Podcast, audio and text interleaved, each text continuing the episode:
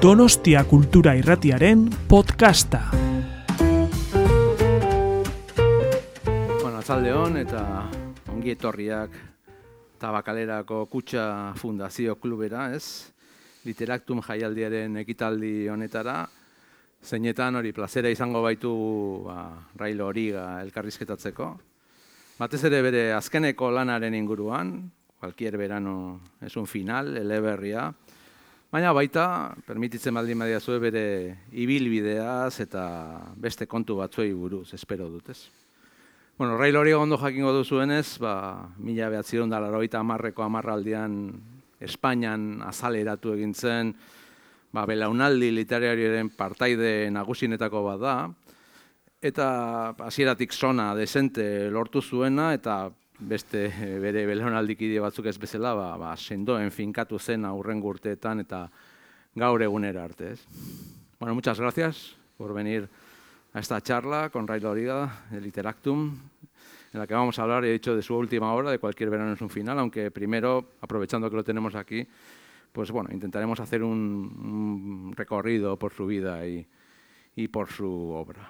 Mm. Bueno, pues nacido en Madrid en el 67, familia artística. En el 92 salta a la palestra con una obra que, que, tiene mucha repercusión, la novela Lo peor de todo, y se empieza a hablar, ya lo siento, de la generación X, yo creo que hay que empezar desde aquí, ¿no? Donde te ligan autores como José Ángel Mañas, como Lucía Echeverría, como Benjamín Prado, y ya sé que estarás un poco harto ¿no? de, de que te pregunten por esto, pero Además, a mí siempre me ha parecido un error esto de la generación X, porque nosotros somos más bien del baby boom. ¿eh? En fin, en España todo iba 15 años más retrasado a causa de la autarquía y del franquismo. ¿no? Pero bueno, yo quería preguntarte, para empezar, eh, eso, ¿no? con la perspectiva del tiempo de todos estos años, ¿qué piensas de, aquella etiqueta y, y, qué crees que ha quedado de todo aquello? Por empezar por algún sitio. ¿eh? Eh Primero, Salomón, buenas, buenas tardes y gracias a, a, todas, a todos, a cada una y a cada uno por estar aquí. Eh, hago así para, para, verles, porque si hago así no veo nada. eh, ahora, ahora, ahora. Mejor, mejor.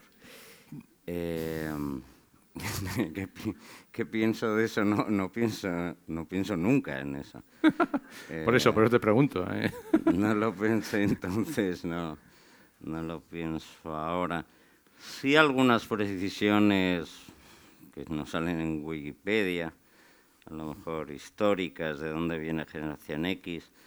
Generación X es un libro de Douglas Copeland, eh, que yo no había leído cuando publiqué mi primer libro, que cuando mi primer libro se publica en Estados Unidos da la casualidad eh, que el editor que, que, publicó a Douglas Copeland era también el mío, eh, se llamaba Jim Fitzgerald y, y, murió hace unos años, un gran editor de, de St. Martin's Press y de Picador.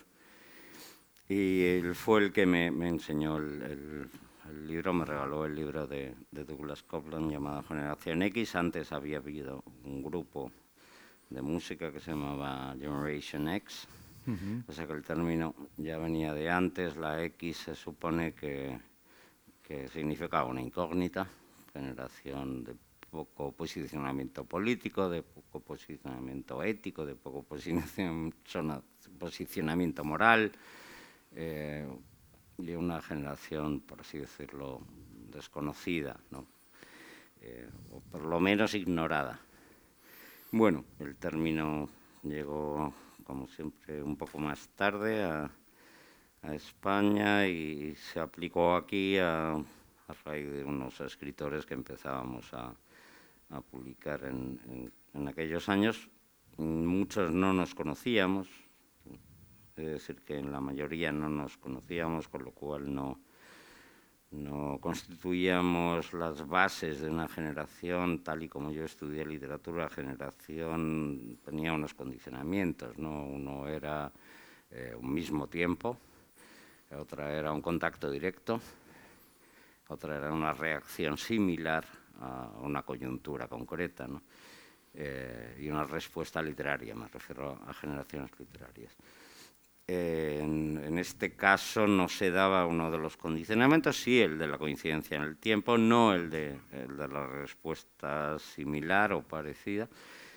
Y, no se da realmente el condicionamiento de contacto, porque muchos de estos escritores yo no, no los conocía. Sí conocía, curiosamente, a otros de esa misma edad, o eran más de mi círculo y pienso en Luisa Castro, poeta gallega, eh, gran amiga y que siempre hemos tenido un contacto muy directo, o Marcos Giralt, que nunca se ha incluido en, Generación X, pero publicaba en aquella época, o Pisón, por ejemplo, incluso el Casariego, Martín Casariego, que ya era amigo en aquella época, que tampoco está incluido en esa época. Eh, y digamos que esos sí eran más los escritores entre los que yo me movía. Luego quizá por un éxito comercial o, quizá por un aproximamiento un poco frívolo a las obras, eh, si había drogas, si había alcohol, si había rock and pues, roll. Rock and roll se, tendían a juntar más eh, unos escritores que otros como corrientes literarias. Y bueno, yo ahí lo viví como paciente protagonista, pero también como espectador, ¿no? porque no, no sabía muy bien eh, cómo se armaba aquello y desde luego se armaba sin mí. Bueno, enseguida, después de aquella primera novela, vino Héroes, que fue otro, otro aldabonazo, ¿no? con esa icónica portada, que en las últimas ediciones de Alfagora ha cambiado, además, yo creo, no sé por qué. ¿eh? Y, en la que el rock and roll... Ah, ah, te diré por qué ha cambiado, porque no encontramos nunca el fotógrafo que hizo la original para comprarle los derechos. Ah. Porque evidentemente había que comprarle los derechos, pues la, la cara era mía, pero la foto era suya. Yo no, y la, y la cara puede ser tuya, pero los derechos son del fotógrafo, lógicamente, o de la fotógrafa. Y, y, no sé por qué no lo encontramos, o no lo encontró la editorial, yo tampoco pude dar con él. Y entonces acabamos utilizando una foto de un poquito después de una fotógrafa alemana que me hizo en Berlín la foto. Mm.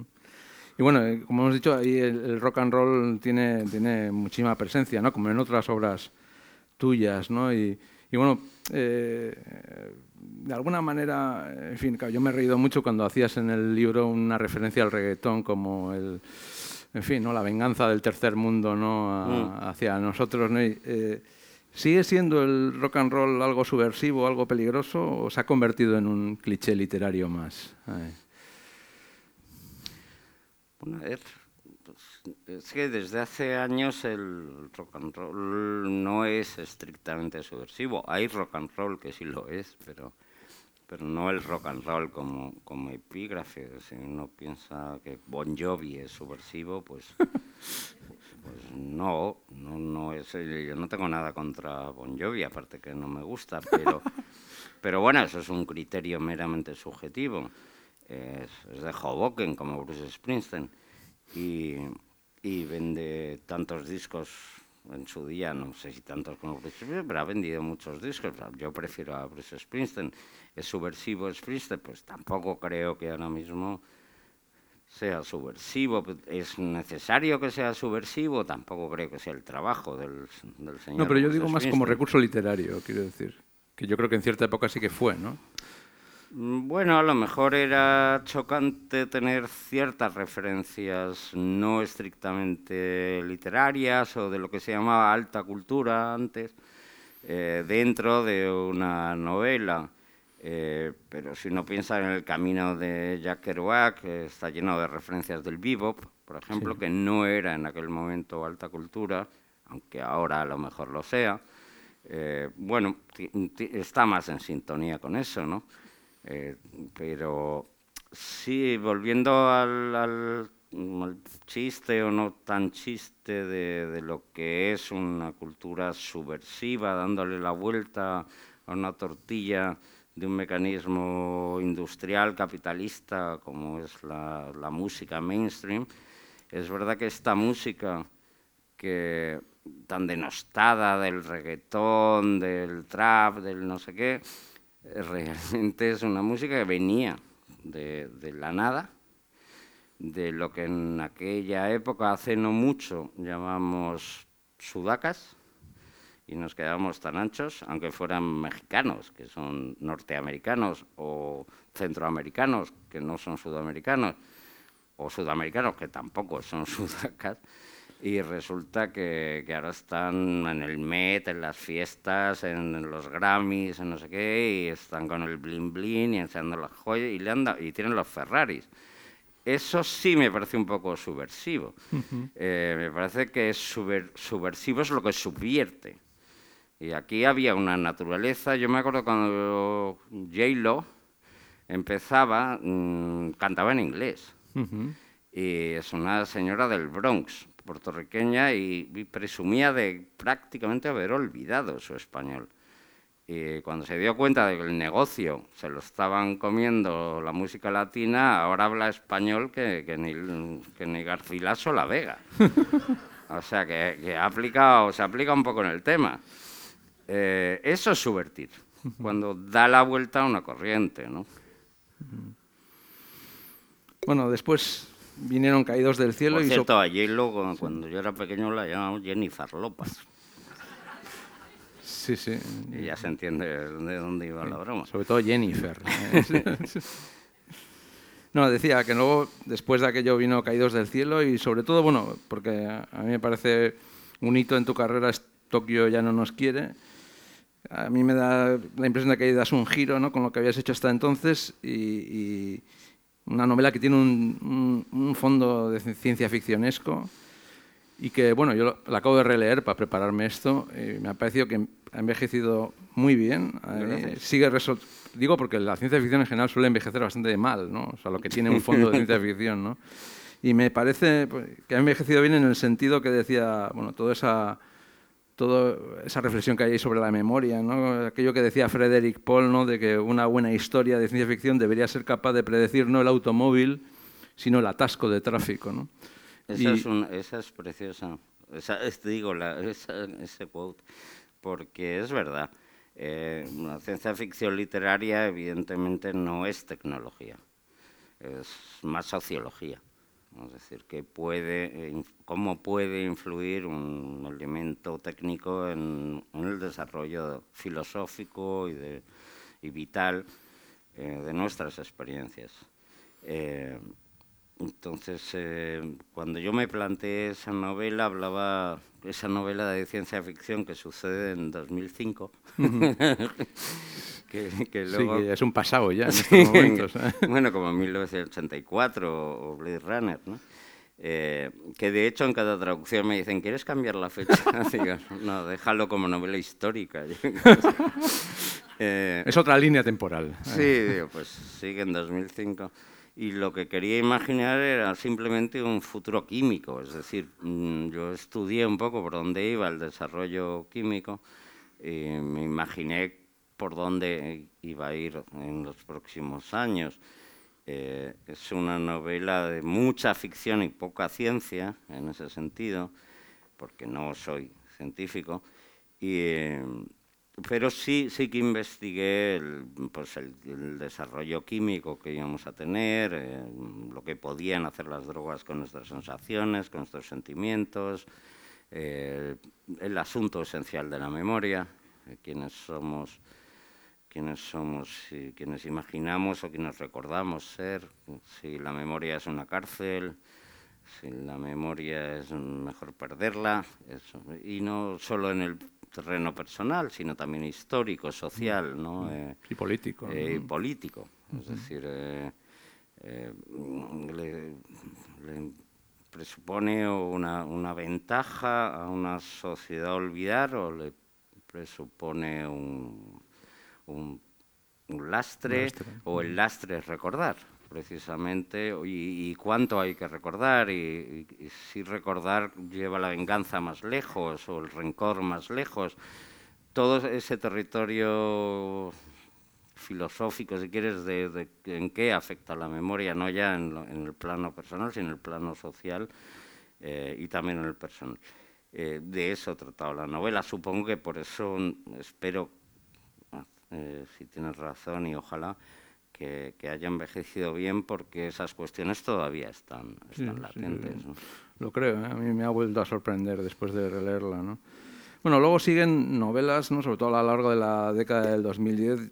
a ti habría que darte un, premio a la regularidad, ¿no? O sea, ya solo habla de Amor 2008, Sombrero y Mississippi 2010, Zaza Emperador de Ibiza 2014 y en el 17 el premio Alfaguara, ¿no? Con, con Rendición, que es otra novela que a mí me da la impresión también como como Tokio ya no nos quiere, que, marca otra frontera, ¿no? con su tono distópico y, bueno, y una novela de guerra, además. ¿no? Eh, algo que estos días, que ya digo, he estado releyéndola también, eh, pues no se me va de la cabeza. ¿no? Es, este el futuro que nos aguarda, el de la guerra.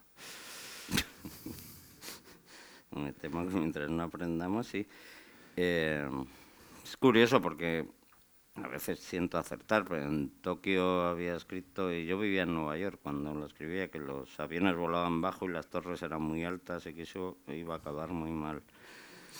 Y desgraciadamente se cayeron las dos torres más altas. Y cuando escribí Rendición hablaba de una guerra en el este de Europa innombrada, no especificada en ningún país, pero muy cerca del corazón de Europa y probablemente hacia el este, que iba a suponer una diáspora y un daño general a todos y que nadie iba a comprender del todo.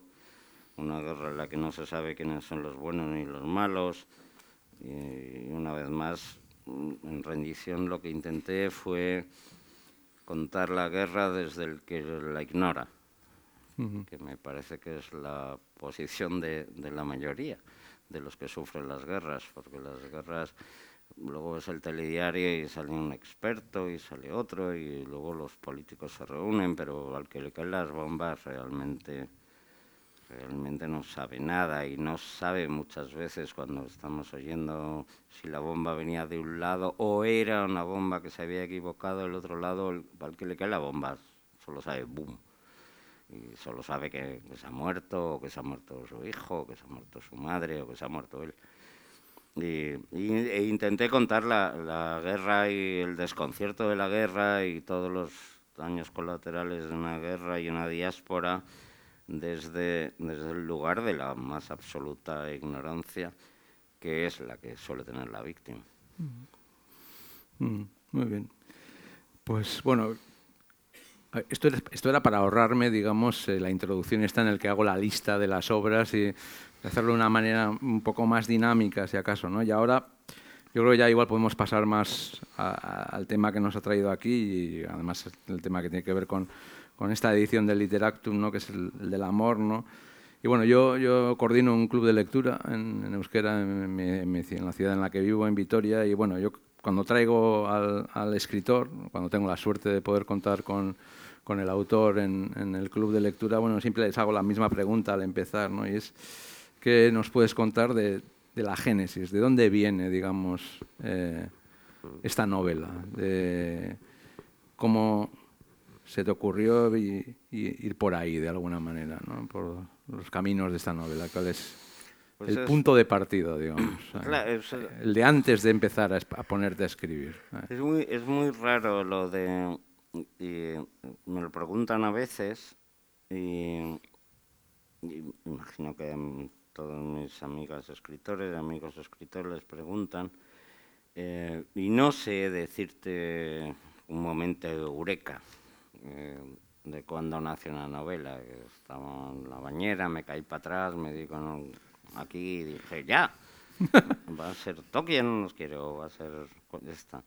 Eh, es un es, un periodo en el que se van posando sedimentos, rumores, eh, sensaciones, lecturas, o lecturas de muchos años, o puntas detrás de tu memoria, puntos me gustaría tener algo que me diera la posibilidad de unos diálogos Mark Twain, que me diera la posibilidad de un pozo bequetiano, que me diera la posibilidad de, eh, de una poética tipo Elizabeth Bishop, que me diera la posibilidad de una maldad tipo Patricia Highsmith.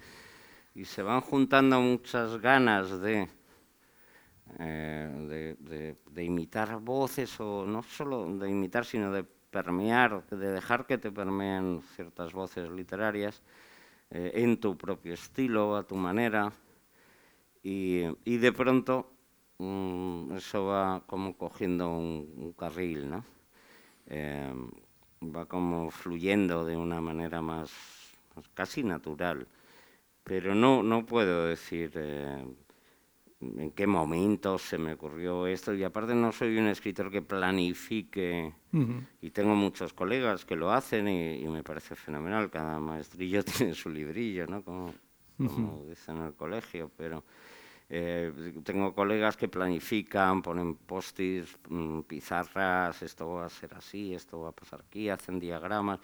Mm, yo a lo mejor lo hago de una manera en mi cabeza mm, y tomo notas convulsas y que a veces ni entiendo, pero, pero más o menos se me va creando una sintonía, un orden narrativo, una musicalidad como si estuvieras haciendo una música larga y dices, pues aquí va a haber un sotoboche, aquí va a haber un, un aquí va a haber un estacato, aquí vas creando como, aquí van a entrar los oboes, eh, te imaginas una música, ¿no?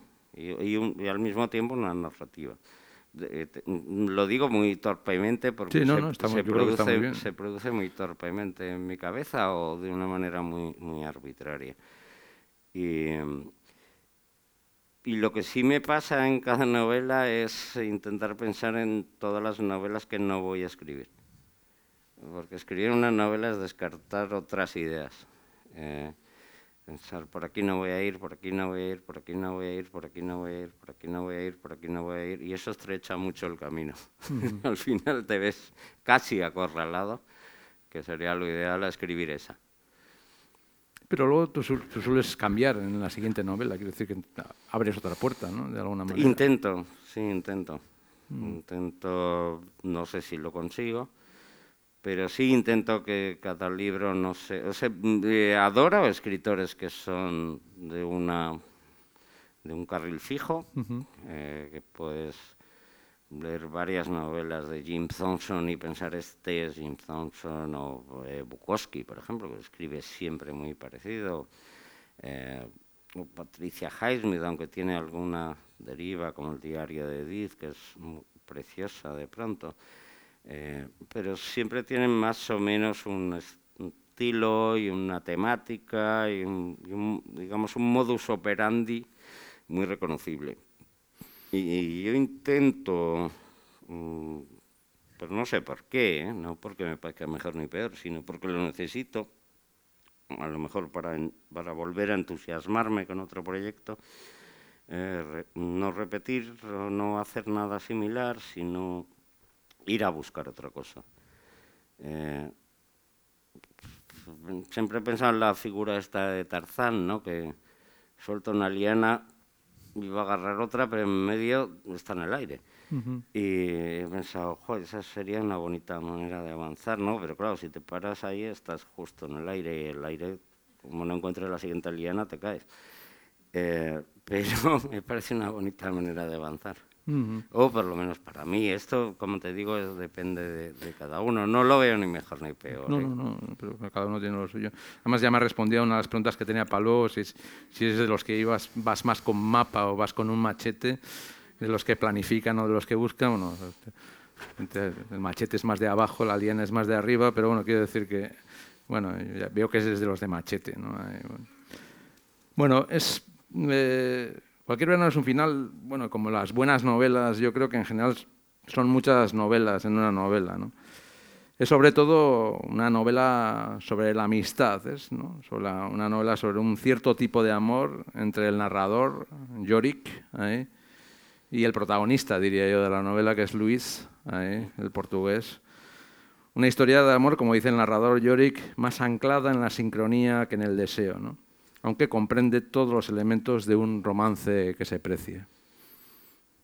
¿Qué podrías? No sé si se puede explicar algo, porque es verdad que estas cosas hay que leerlas en realidad. Sí, ¿no? es verdad. Pero bueno, pues como, como nos han traído para hablar de la novela, pues, eh, te- Este- tengo que planteártelo. eh. Sí, es el, es el momento fatal de la escritura, ¿no? Cuando escribes un libro, tenga do- 280 páginas o 500, y te- cuéntamelo, y digo, "Yo te lo acabo de contar. Eh, sería como decirle a alguien, cuéntame el chiste, pero sin contármelo. O sea, el chiste es para que te rías, luego, y ahora explícamelo, y tal, es como destrozar un chiste. Eh, Bueno, sin hacer mucho spoiler. eh, bueno, es una historia de, de amor, de, de, de amor. Eh, me niego a ponerle un nombre, ¿no? Y mira que me han obligado a ponerle un nombre en tantas entrevistas como he hecho. Pero No, este de- amor no es casi... eh, No, no, no es casi nada, es, es todo, es todo. todo. amor. No es casi nada, es todo amor. no, en, la, Eh, en la misma novela dices que, vamos, que no no tienes me ganas de niego, definirlo. Me ¿no? niego, es que... Preguntar a alguien que defina sus sentimientos eh, pues, se supone que tienen que encajar en el orden mental de otro, ¿no? Y en tu orden mental ya encajan, porque tienes que, que hacerles un, un, un sitito pequeño en la mente pequeña de los demás. Tú, los sientes enteros, no tienes por qué. No tienes por qué regalarlo así en parcelitas de comprensión bien pensante, ordenada para los demás, ¿no? Parece que, que ciertas emociones propias que no dañan a nadie eh, enajenan a otros, ¿no? Es muy extraño. Pero bueno, eh, es la historia de dos hombres que se aman, mm, la manera en que ellos se amen es cosa de ellos y es lo que intento respetar. Eh, que unos lo quieren llamar amistad, que otros lo quieren llamar amor, que, que lo llamen como quieran. Ellos se aman y el, el narrador da mil, mil explicaciones y mil razones de, de por, qué es, de por qué se aman. Eh, y, y es una novela que, que sitúa a dos personajes, uno que casi se muere y otro que, que no ve el momento de morirse, ¿no? Y entonces se encuentran ahí. Y uno no acaba de entender por qué, por qué el otro quiere morirse y, y tiene el trabajo durante la novela de, de tratar de entenderlo, de tratar de impedirlo, de tratar de explicárselo a sí mismo, de tratar de acompañarle, si fuera el caso, de tomar todas las posiciones posibles ante, ante el posible evento de un, de un suicidio, bien y largamente meditado y natural y tranquilamente meditado. No es un suicidio para nada dramático, es un suicidio placentero. ¿no? y, eh, y es al otro al que le toca, al narrador al que le toca lidiar con todo ello. Sí, con, con esa fantasía, ¿no? De alguna manera, porque, bueno, no sé si es un mensaje la palabra, ¿no? Pero una idea que parece desprenderse de la novela, tanto cuando hablas, digamos, de este amor en concreto, ¿no? Entre Luis y, y Yorick, ¿no? Como, como se habla más del amor sexual o el más convencional que puede ser el que Yorick siente por alma o ha sentido en algún momento por alma, ¿no? Es, es que el desequilibrio es algo inevitable, ¿no? De alguna manera. Que hay siempre alguien que ama más, alguien que idealiza más y, y- y alguien que hace del amor más una fantasía que el otro, ¿no? Es bueno, así. es inevitable, creo, hablar del amor, sí, como hablando de mecánica cuántica, porque no- nadie sabe nada. de Es que nos han puesto el tema en el literato. No, ya lo una sé, ya puñeta. lo sé. Yo también huiría de esto. no, ¿eh? ya O lo sea, sé, ya lo sé, pero que, que- que nadie sabe demasiado sobre esto. Todo el mundo lo, lo sentimos y, no, lo, no lo sabemos. eh.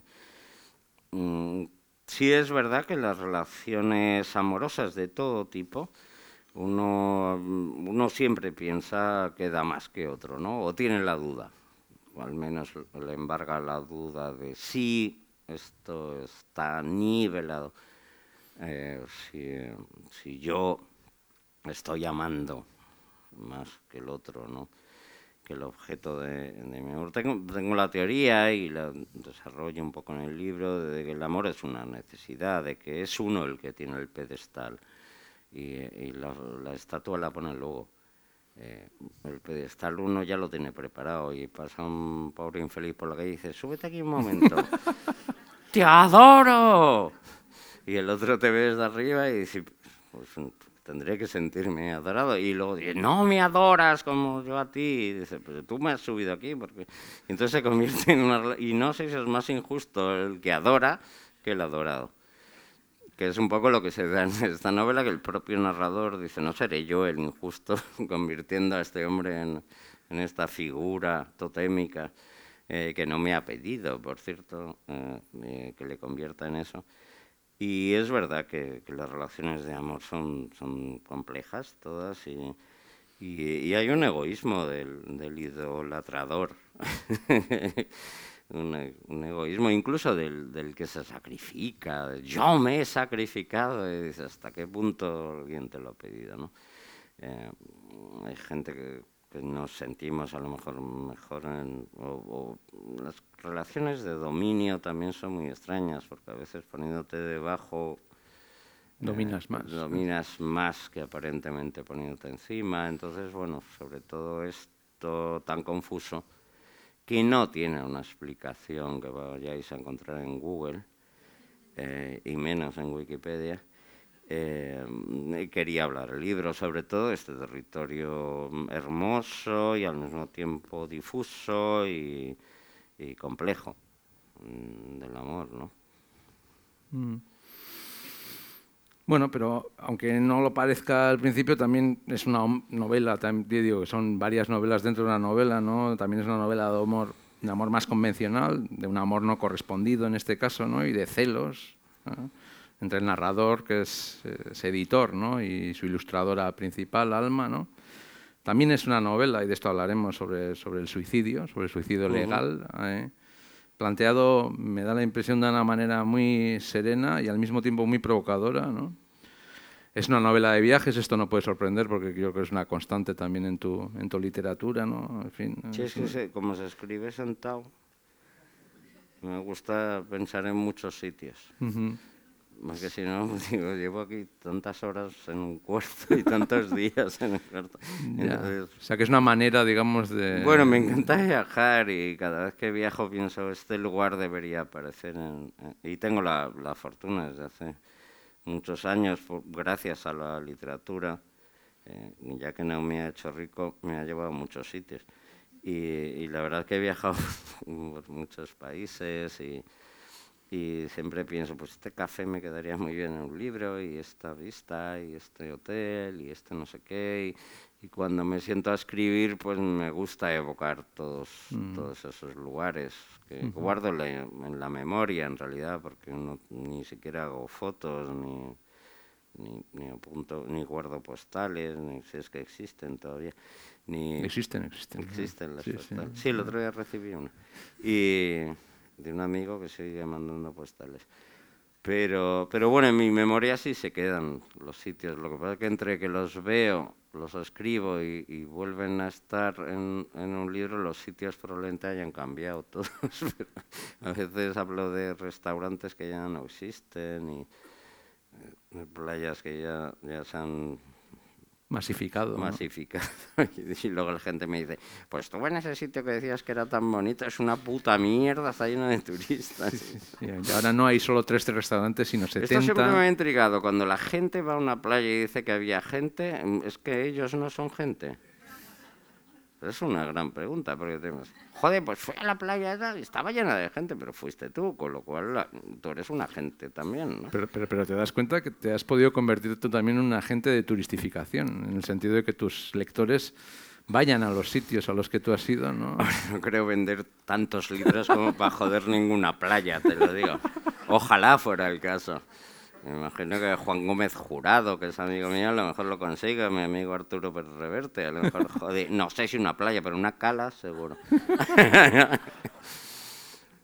bueno, aquí aparece en Venecia, aparece Lisboa, aparece en Nueva York. Venecia ya está jodida. Con aparece, aparece Carvallal, Preciosa, aparece, pero jodida. aparece en una escena que a mí me parece muy, muy, muy graciosa, varias escenas muy graciosas, Santo Domingo, pero aparece eso, bueno, yo creo que el, el el lugar, digamos, más impresionante de la novela es, bueno, Rorg, bueno es como, no sé, nunca sabré cómo se pronuncia, Rorschach, este pueblo de Suiza, que es como... El, es, que es, que es como el, por otra Bueno, es parte, como es como, la- el, que es como el superhéroe de, en fin, ¿no? Son como Eh, las manchas Rochard. ¿eh? Eh, las manchas ¿no? Rochard, Las manchas Pero en ¿no? realidad no se escribe igual, lo que pasa es que es un, un pueblo que se escribe, tiene una letra que baila para hacerlo de las manchas Rochar o el protagonista este de, de Watchmen, sí. de Watchmen, que, que- que es muy bonito, que lleva una máscara y se le van haciendo todo el rato manchas, simétricas de Rochard.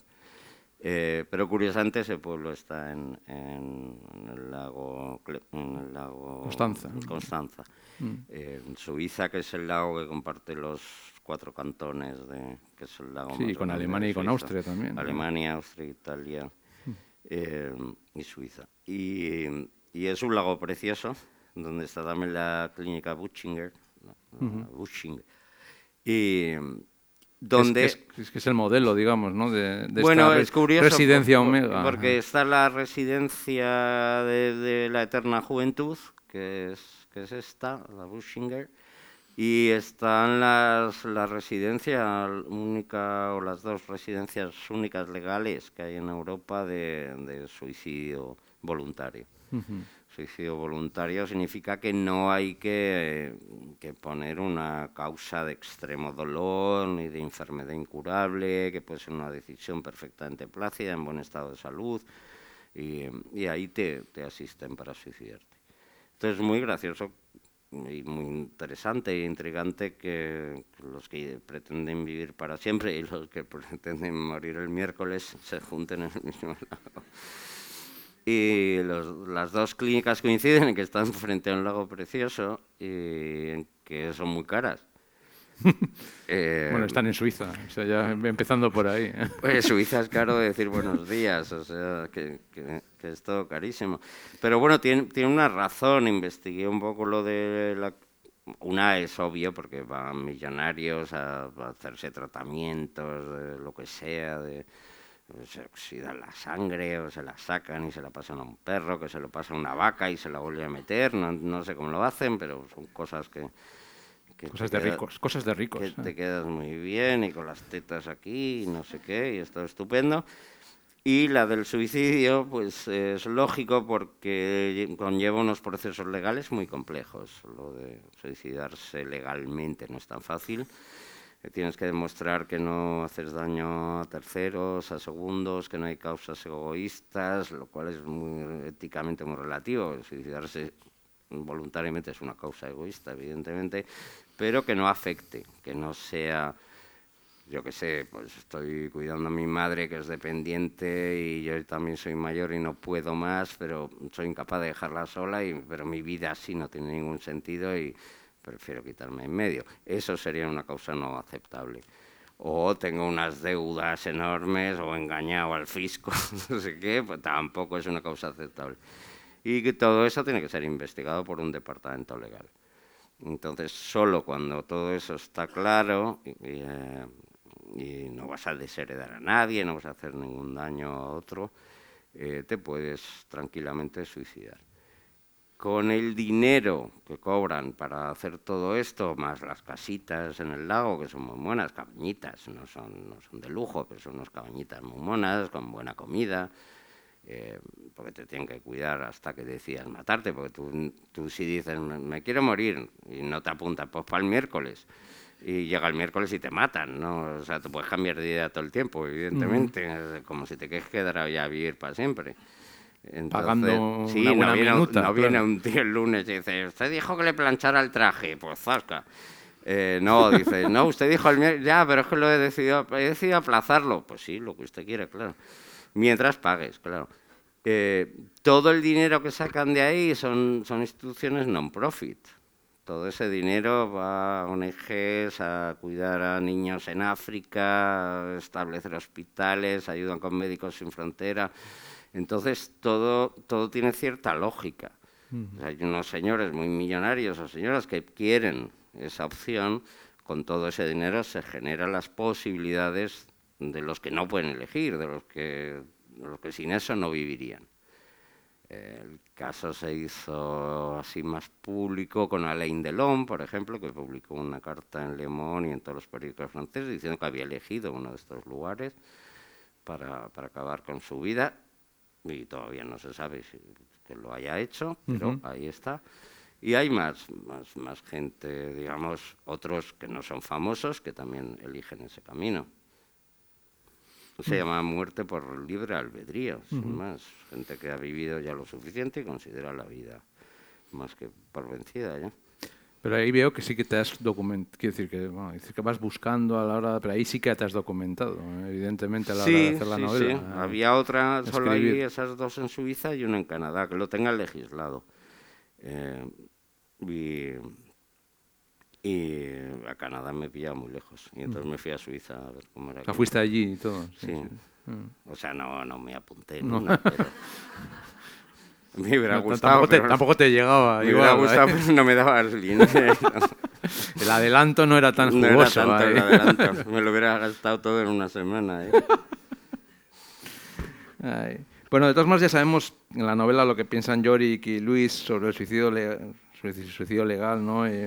Luis es evidentemente partidario del mismo como, como solución al agotamiento ¿no? que siente por la vida y Yorick está en contra porque no quiere perder a su idolatrado Bueno, en el amigo. caso de Luis no es tanto el agotamiento, es porque es un chico que está estupendo, al- digamos a los casi 60 años, y lo que le teme a, Es a lo- es a lo que al viene capítulo después, final. sí, sí. O sea, imagínate que una novela pudiera acabar en las páginas más hermosas, ¿no? Eh, el momento perfecto. Y desgraciadamente la vida no te suele dar la oportunidad de acabar las páginas más hermosas de tu vida eh, sueles morir en, en una, en una pérdida de dignidades, de, de habilidades, una merma de capacidades, un deterioro, a veces físico, a veces físico-mental, a veces olvidando tu propio nombre, olvidando los seres que has querido. eh, y eso es a lo que le tiene pavor Luis, ¿no? Por eso elige esa otra opción. Él quiere morirse en, el- en los momentos más tranquilamente felices de su vida. No quiere, no quiere esperar a que la muerte dicte el capítulo y él tenga que, que La apuntarlo. decadencia, no quiere- él quiere escribir el capítulo y que la muerte apunte. No, ya me has respondido de alguna manera qué es lo que pensabas tú del tema, ¿no? O sea, eh, ¿qué peso tiene lo, lo autobiográfico en la novela? ¿no? Uno tiene a sospecharlo, ¿no? Puesto que el protagonista, como tú mismo, pues, ha, ha pasado por una enfermedad bastante seria. Bueno, ¿y hasta qué punto se alimenta un autor como tú de las, de las vidas que, que le rodean? ¿no? ¿Hasta qué punto el escritor es un parásito ¿no? de sus coetáneos? ¿no? Entre las dos posturas extremas ¿no? sobre este punto, digamos la de Follner, ¿no? que decía, bueno, si un artista tiene que robarle a su madre, no vacilará en hacerlo. Y la de Toni Morrison, ¿no? que, estaba radicalmente en contra de ese parasitismo y afirmaba que construir una vida para ti mismo a fuerza de saquear las vidas ajenas es un asunto muy serio y tiene implicaciones morales y éticas. ¿Dónde te situarías tú? Aquí, bueno, me viene un poco a la mente en el libro el, el discurso de Bernice que le hace a, a Yorick ¿no? sobre cómo está parasitando a, Hmm. a Luis. ¿no? Bueno, eso es un poco, Bernice como, como si fuera mi Toni Morrison, la que me regaña. Eh, estoy un poco con Follner, que si escribes una buena novela puedes robar el, el arca perdida y el santo grial, o sea, nada me parece sagrado, la literatura me parece sagrada. Eh, pero eso es una visión personal, ¿no? Eh, muy egoístas del arte que me ocupa y el arte que me apasiona, que es la literatura. Eh, me parece que merece casi todo, casi todo lo que no sea un daño físico. Pero, por otro lado, es verdad que los escritores todos tenemos un reparo ético. Me gustaría al escribir, y todos lo pensamos, hacer daño a las personas que más quiero o que más me quieren.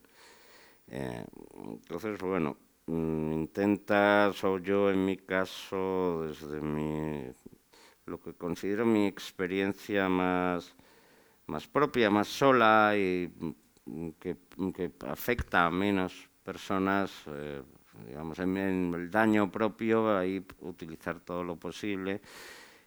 Y lo demás, disfrazarlo lo mejor posible para que no me pillen. Eh, mm, cuando, cuando disfrazas mucho, mm, llega un momento porque coges un poquito, pues pones, se rascaba así, le gustaba esta música, le gustaba este vino y, y estás tomando de 7, 10, 12 personas que conoces y algunas que has leído, porque a veces le robas detalles a personajes que has leído. Al final construyes un Frankenstein un poco un poco mm, descifrable, o sea, sería, habría que ser muy paranoico para decir, eh, este soy yo. Eh, es verdad que los amigos a veces son muy paranoicos y te dicen, joder, esa es mi cerveza, y puesto que bebe Mau. la, la, mitad de España bebe Mau, nadie te va a encontrar y no tienes por qué ser tú, pero bueno. Hay gente que se obsesiona con encontrarse ¿no? en todos los libros. Y dice, ese personaje soy yo, porque se peina a la derecha. Yo qué sé, son tonterías. Eh, pero sí, bueno, eh, volviendo a la ética, es verdad que los escritores son muy, muy parásitos, muy llenas, muy llenas. Eh, cualquier cosa muerta no sirve para comer y no sirve para algo no hay basura para los escritores, todo nos parece como para jugar. Cosa bonita. Pues eh, te digo, que hay de autobiografía? Pues, si estás en un hospital, en vez de pensar, joder, qué coñazo, está en un hospital, estás todo el rato fijándote, ah, qué gracioso este, tiene el cuello al revés porque le ha pasado esto, el otro, no sé qué, tal. O sea, que estás viendo como una aventurilla, ¿no? Todo te parece material. Y a mí, en esta parte autobiográfica, que es muy poca en el libro, que empieza con un pavo que ha tenido un tumor que yo sufrí, pues, pues sí me sirvió un poco para dos cosas, para distraerme en el hospital, que, es muy aburrido pasar mucho tiempo en un hospital, y, y para, para ya estar trabajando en algo y no sé qué, y para aprovechar eso un poco como trabajo de campo, ¿no? Bueno, voy a ir terminando. Eh, como he dicho, ¿no? Es una novela de amor, una novela de viajes, una novela... Y muy graciosa. Sobre el humor, la parte del humor, eso sí. Bueno, eh, pero yo creo que es algo que es una constante en tu, en tu obra y yo creo que lo utilizas muy bien. Hay escenas realmente mm, muy graciosas. A mí la de Santo Domingo, la de este turista, digamos, eh, asustado, ¿no? A mí me parece que es, es muy, muy, muy buena. Pero luego también es una novela metaliteraria, ¿no? una novela sobre literatura, ¿no? en la que hay también un poco de parodia y un poco de, crítica, digamos, hacia el mundo editorial. Eh, el, narrador es un editor de libros infantiles, pero para padres snobs, de alguna manera. ¿no? Eh, eh, buena descripción, sí. Eso, eh, dice, en un momento nuestro negocio no se basa en el gusto de los niños o adolescentes, sino en la mala conciencia de los padres y en el petulante prestigio que pretenden arrogarse los adultos regalando libros cultos a los pobres niños. Pero claro, son, son libros ilustrados que no son muy eh, que no son los, habituales, ¿no? no es eh, Moby Dick y Robinson Crusoe y los, en fin, el Robinson en suizos, ¿no? sino Libros como El paseo de Walser, Dos amigos de Maupassant, La lotería de Shirley Jackson, Ravelstein de Sol Bellow, Yo maté de Blaise Strendars, eh, Un hombre enfundado de, de, Chekhov, ¿no? Y hay más, hay muchas más referencias. Bueno, antes has hablado del diario de Edith, ¿no? aunque ese no es uno de los libros ilustrados, ¿no? Pero bueno, es también una guía de lectura este libro, ¿no? Y de todos esos, o de alguno más, ¿tú ¿cuál nos recomendarías? bueno, todos, todos. Todos, evidentemente, pero digo, aquí que, digo, no sé, por, por, terminar y ya dar paso, digamos, a las preguntas que podéis tener, que seguro que tenéis, que, que estoy hablando demasiado. Pues mira, pero a mí esa parte, digamos... de eh, Patricia Highsmith todo, o sea, hasta las pastillas de dormir le cogería a Patricia Highsmith. Eh, eh, y hay dos ahí, por ejemplo, Blaze Sanders me parece maravilloso, es un, amor además reciente, quiero decir, de hace, como hace no muchos años, que hay otros autores que, que llevo leyendo desde, desde, casi la infancia. Eh, y hay dos autores que, que, para mí son, son referente constante, que están ahí, que son Chekhov y Montpassant que me parecen los hombres que, que, no pueden escribir un cuento malo. Mm. cualquier cuento de Chekhov, cualquier obra de teatro, los cuentos de Van Passan reunidos, parecen todos una perfección, una delicia, pero todos los, autores que, mi supuesto editor, que no existe, eh, publica para niños son, son los libros que a mí me gustaría editar, ¿no? Son, son todos libros que me encantan, claro, por eso los elegí. Muchísim, tenía muchísimas más cosas que, que, tengo más apuntadas, de hecho, pero no, pero yo creo que sí, hay que dejar ya paso al, al, público, a las preguntas que pueda haber. Habrá gente que habrá leído la novela y, y entonces que le pueda hacer, le pueda fastidiar a los que no haya leído haciendo un spoiler. ¿eh? Pero bueno, este es, el este es vuestro momento. ¿eh? Tampoco tiene gran trama la novela, o sea que no, no van a destruir nada.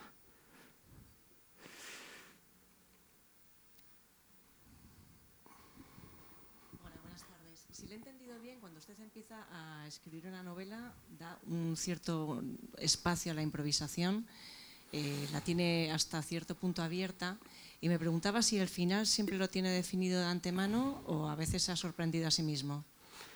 Buena pregunta. Eh.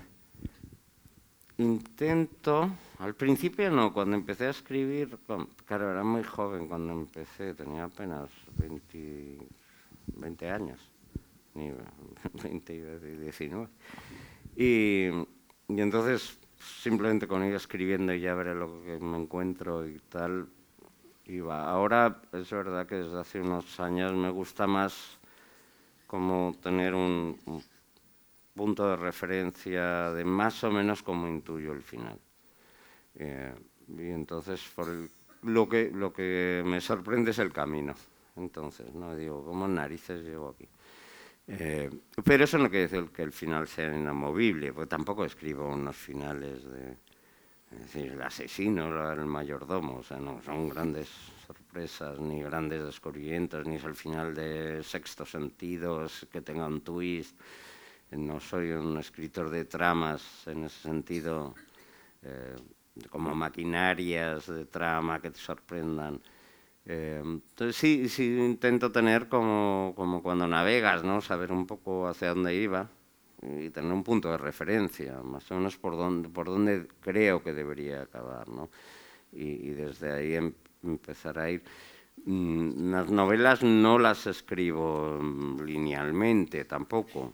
Eh, me hago como con un volumen a veces tengo esto, esto, no tengo muy claro lo de en medio, tengo un poco claro el final y el pre-final, pero no, y, y, de, y de, depende de cómo vaya evolucionando cada cosa, voy cambiando, ¿no? O sea que no es un, una manera muy metódica, con un método perfecto, es un poco prueba y error y lo que sí me gusta a la hora de escribir es dejar lugar a, a cierta sorpresa para mí no me gustaría, intento no escribir algo que ya tenga perfectamente planeado, como si estuviera mmm, comiendo mmm, pescado de ayer. Pues tengo que salir a pescar todos los días y a veces digo, coño, esto no me lo había imaginado, uy, se me ha ocurrido esto que es muy gracioso. Y luego a veces digo, pues no era tan gracioso, porque luego corrijo mucho, claro. Eh, pero sí, intento como que haya cierto elemento vivo en eso, que a mí también me sorprenda un poco lo que, lo que no tanto lo que va sucediendo, sino cómo va sucediendo. Bueno, no sé, es un, es un poco, poco así confuso, pero yo me entiendo.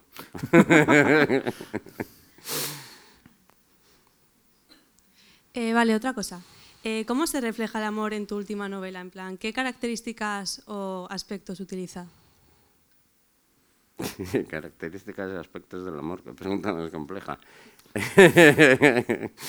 eh, el amor es como abrir las puertas, o sea, depende si tienes la llave, no la tienes, está atascada, no está atascada, si el pasillo es muy largo, si es muy corto, si, se cae a un abismo, si hay una habitación, si hay chimenea en la habitación, si hay balcón, si hace frío, si hace calor.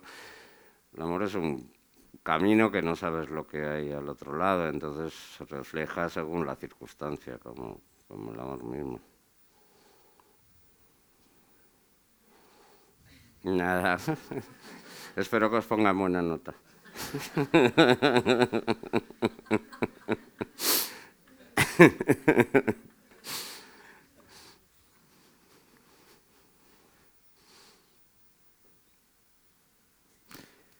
no sé, ¿están vascos? Eh, preguntad algo. eh, o sea, No sé que no tiene nada malo. Que es así, bueno, no ves la primera fila que estás medio vacía, que es, es- esto es algo muy de aquí. ahí, Te por diré que en. Madrid también pasa También esto, pasa, ¿no? sí. Que está Pero todo el mundo ahí pero es que está lleno de vascos, es que Madrid está lleno de casi vascos, dos eh. filas, sí, también es verdad, que hay casi dos filas vacías delante y todo el mundo pegado detrás. Siéntese aquí. Bueno, no, no hay por qué preguntar. Y- y No, bueno, yo, yo sí te te haré otra porque además esta la tenía, ¿no? Porque este, bueno, yo, yo, escribo cuentos eh, y entonces yo estoy un poco harto de, de que siempre me pregunten lo mismo. Dices, a ver, ¿cuándo vas a escribir una novela que parece que es la manera de doctorarte en, en el mundo literario? Entonces yo quería hacerte, y además aprovechando joder, que justo los, los escritores que has mencionado, que son fetiches para ti, ¿no? y que los has metido también en la novela, que son Maupassant y Chekhov, son escritores de cuentos. Y, para cuándo un libro de cuentos?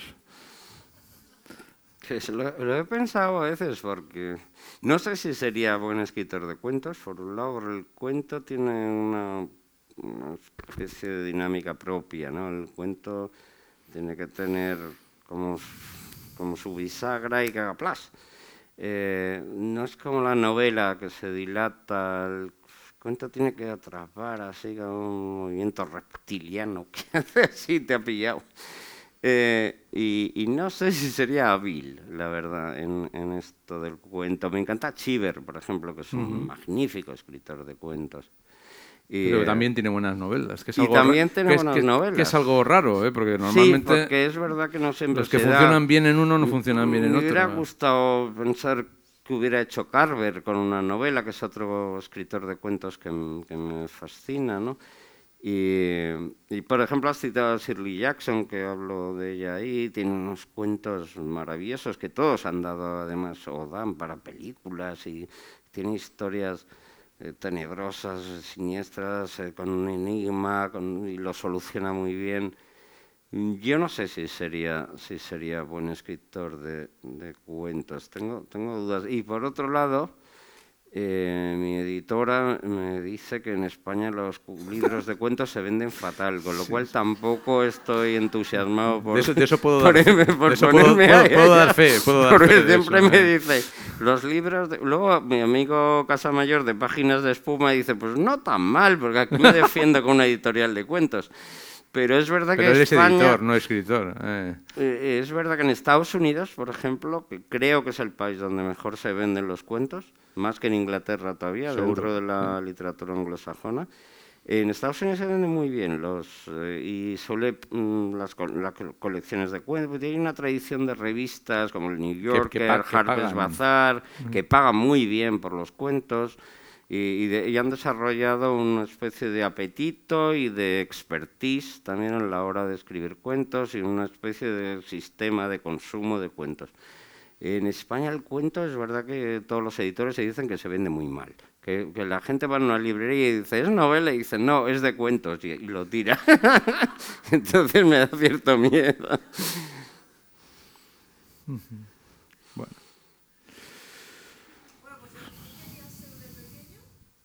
¿Y qué personaje de Walt Disney te has visto más reflejado? Ah, bien. Eh, de pequeño quería ser, bueno, quería ser futbolista, o sea, la cosa más tonta del mundo. Me encanta el fútbol y quería ser futbolista. Cuando me di cuenta que no era tan buena, empecé a pensar en ser escritor. Eh, ¿Y qué personaje de Walt Disney?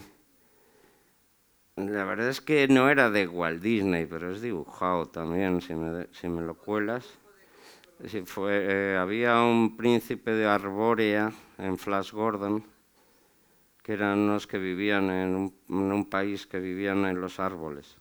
Se llamaba Arbórea. Y eran unos árboles gigantes, gigantes, gigantes, que estaban muy lejos de- del resto del mundo. Te hablo árboles de miles de kilómetros. Y arriba, en unas hojas, vivían unos tíos que tenían hasta naves y se movían entre árboles. Y se llamaba el Reino de Arbórea.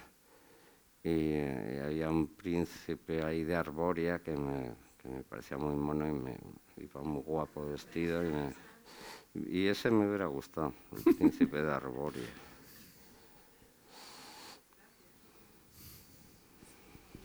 Usted como director, eh, ¿qué libros, por ejemplo, dígame, por ejemplo, tres libros que más le hayan gustado, que le hayan llenado, gustado?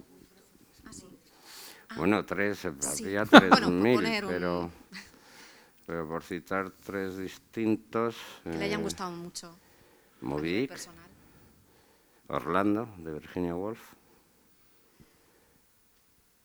Y, por ejemplo, uno que no me canso de, de recomendar, el diario de Edith, de Patricia Highsmith, por decir tres muy diferentes. Aquí lo leen los dos protagonistas del libro en algún momento. O sea, lo Sí. tienen en la mesilla. Aparece dos veces en la novela. Eh.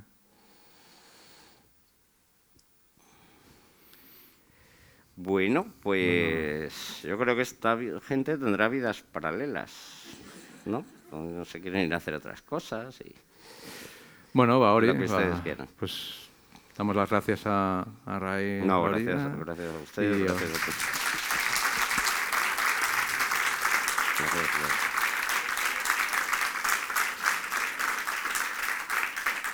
Az, Zuei eskarrik asko, ere gogoraraztea hori, ez, e, literaktume jarraitzen duela eta urrengo jarduerak, bihar nerea baldak azpimarrak bere liburua hitz egingo duela usu errazkenekin e, zazpiretan elkararetoan eta etzi ostiralean Victoria Eugenia Kluben Patri Urkizu idazleari omenaldia egingo zaiola. Ba, eskerrik asko eta hurrengora arte.